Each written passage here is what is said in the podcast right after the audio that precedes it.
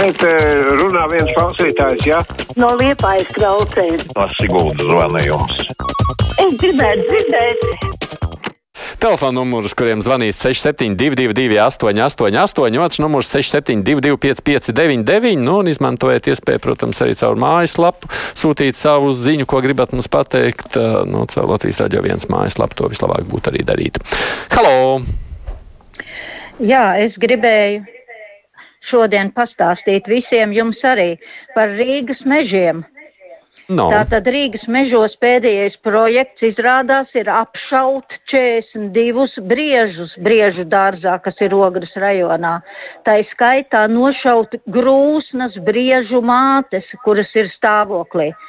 Un galvenais tas projekts ir tāds, ka pievilināt viņus ar gardu ēdienu un tad ar ieročiem, kuriem ir pierīkoti klusinātāji, vienkārši viņus nogalināt visus. Kāpēc? Jo viņi lūk pārāk dārgi izmaksājot. Un to zināja Stāčis, viņš noslepenoja šo projektu, bet tas nāca gaismā, paldies Dievam.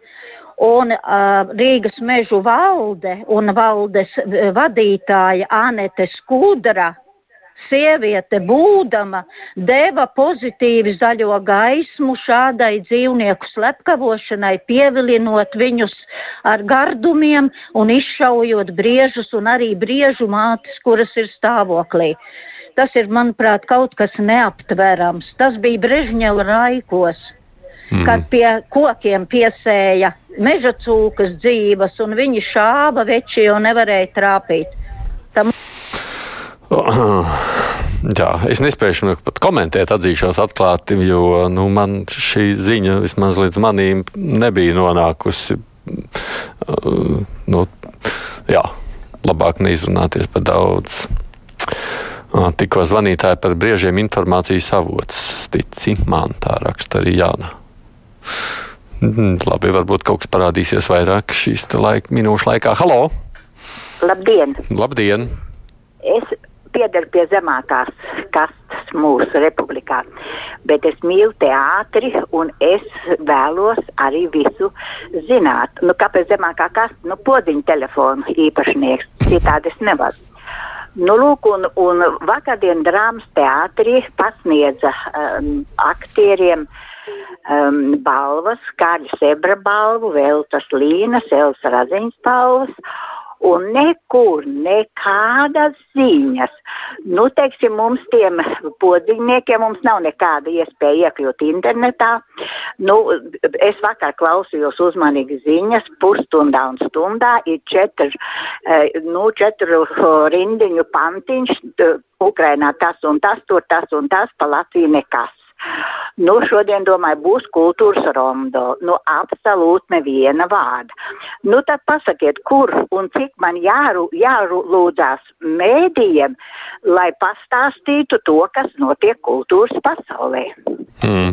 Nu, Tātad man jāsaka, kolēģi, jūs dzirdējāt, varbūt kāds palīdziet kundzei tikt pie informācijas, izstāstiet, varbūt ielieciet kādā no saviem vai no rakstiem vai raidījumiem, lai arī ka, nu, kundze var dzirdēt, nu, lai gan rakstiem laikam šeit nederēs, saprot.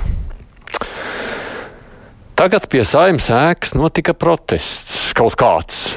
Bet neviens no saimnes neiznāca ārā pat parunāt ar protestētājiem, raksta Sarmīti. Un par ko protestēju, tad arī jāprasa vēl pierādījis, jo citādāk. Kaut ko es gan šajā brīdī jēgas pie saimnes doties, viņi taču tur visi atvaļinājumos dzīvojas. Halo! Labdien! Labdien. Tas ētrā, laikam, jā. Esat trāpījusi tā, jā. Jā, ļoti patīkam. Tā es par tām ķiverēm gribu pateikt. Manuprāt, mm -hmm. šķēpi tiek lausti vispār ne pēc būtības, jo tas ķiveru faktors, tas ir sekundāra lieta. Primārā ir tas, kā brauc pa ielu.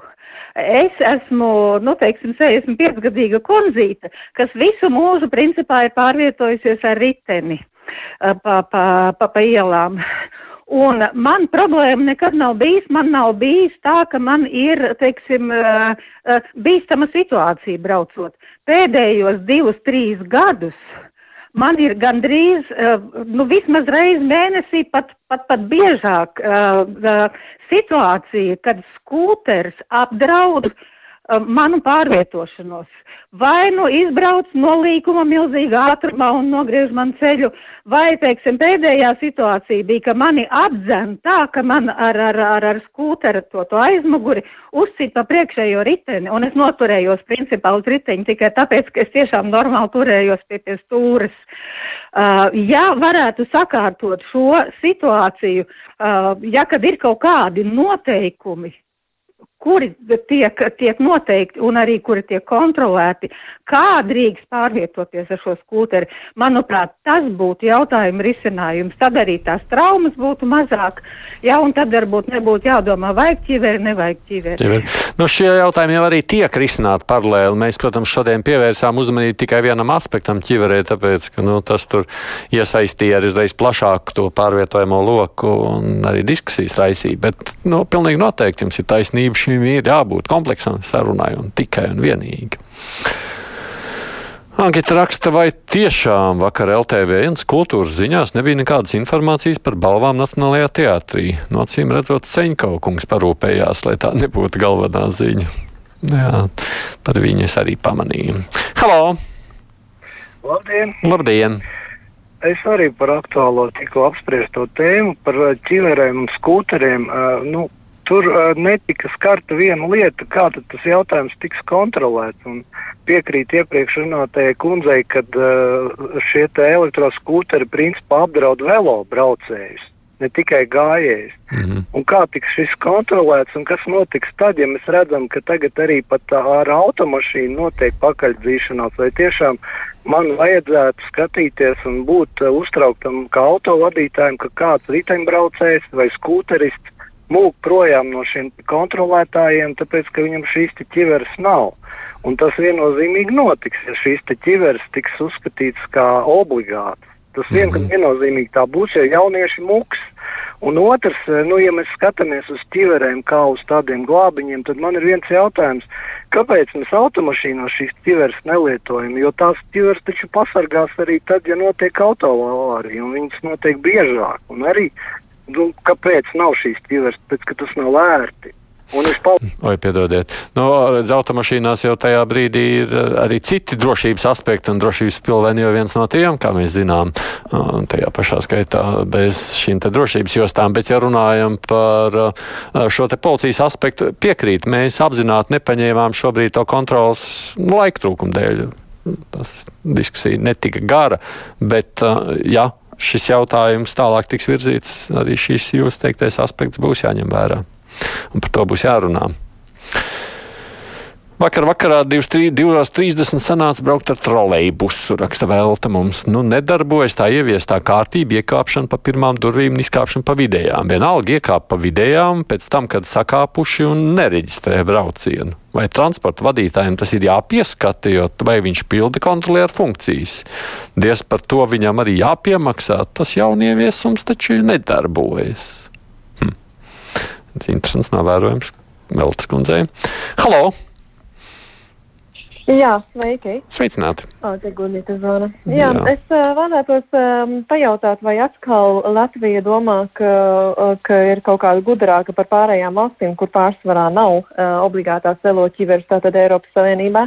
Un vai tiešām lēmumu pieņem, pieņemšana notiek tā, ka kaut kādu nedēļu, nedēļu vai mēnesi tur bišķiņi apspriežās, satiksmes ministrijā cilvēki, kuri līdz šim ar šo jomu vispār nav saskārušies, un tad pieņem šādus lēmumus. Un tad vēl es ļoti aicinātu tiešām neuztvert to kā kaut kādu muļķību, ka tad, ja jau, ja jau reiz skatāmies pēc statistikas, tad tiešām vajadzētu apspriest par ķiverēm arī gājējiem un autovadītājiem. Tā nav muļķība, ja mēs tiešām pavisam nopietni skatāmies pēc statistikas. Paldies! Hmm skepsi. Tik daudz, ka vienīgais, ja mēs runājam par gājēju, kurš krīt pats savas vainas dēļ, kaut kāda iemesla dēļ pakrīt, tad visticamāk tā nebūs galvas trauma. Ticiet man, gājējs jau cieši tāpēc, ka kāds no satiksmes dalībniekiem viņam uzskrien virsū. Un ar to tas jautājums ir par atbildību šeit, protams, tādā ziņā.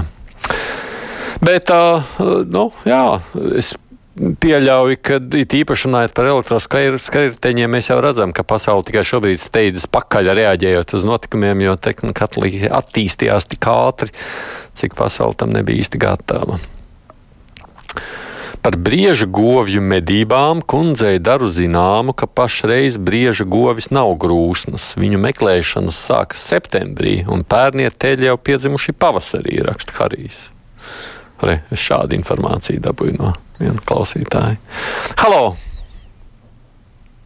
Latvijā ir pietiekošā daudzumā un tāda sakarīga nebanka aizdevēja līzinga kompānijas. Uz to jārēķinās. Vienmēr var rasties kaut kādi neparedzēti apstākļi.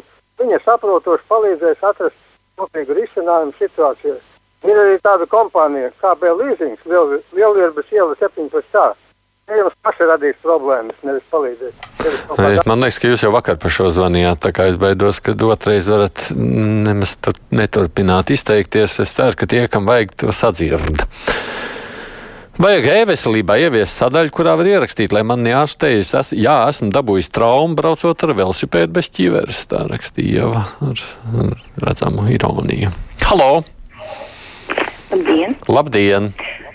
Es atbalstu Annas Ivanovas teikto, ka obligāti jāievieš drošas braukšanas apmācības bērniem no 14 gadiem. Tāpēc, ka viņu prāts ir nenobriedis.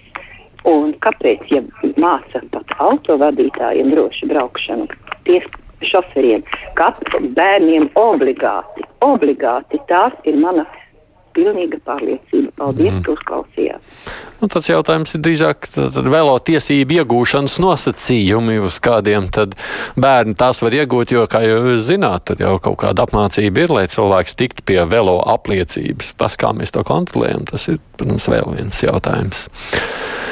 Taņem jāņem vērā, ka citās Eiropas valstīs arī traumatismu mērogi nav tik lieli kā Latvijā. Tas tā patiesības labad saka Alise. Es nezinu, vai, jums, vai jūs, tas ir tāds subjektīvs vērtējums, jo man jau šķiet, ka šī ir problēma ne tikai Latvijā. Tāpēc nezinu. Tur prasītos objektīvi dati. Halo! Halo! Jā, lūdzu!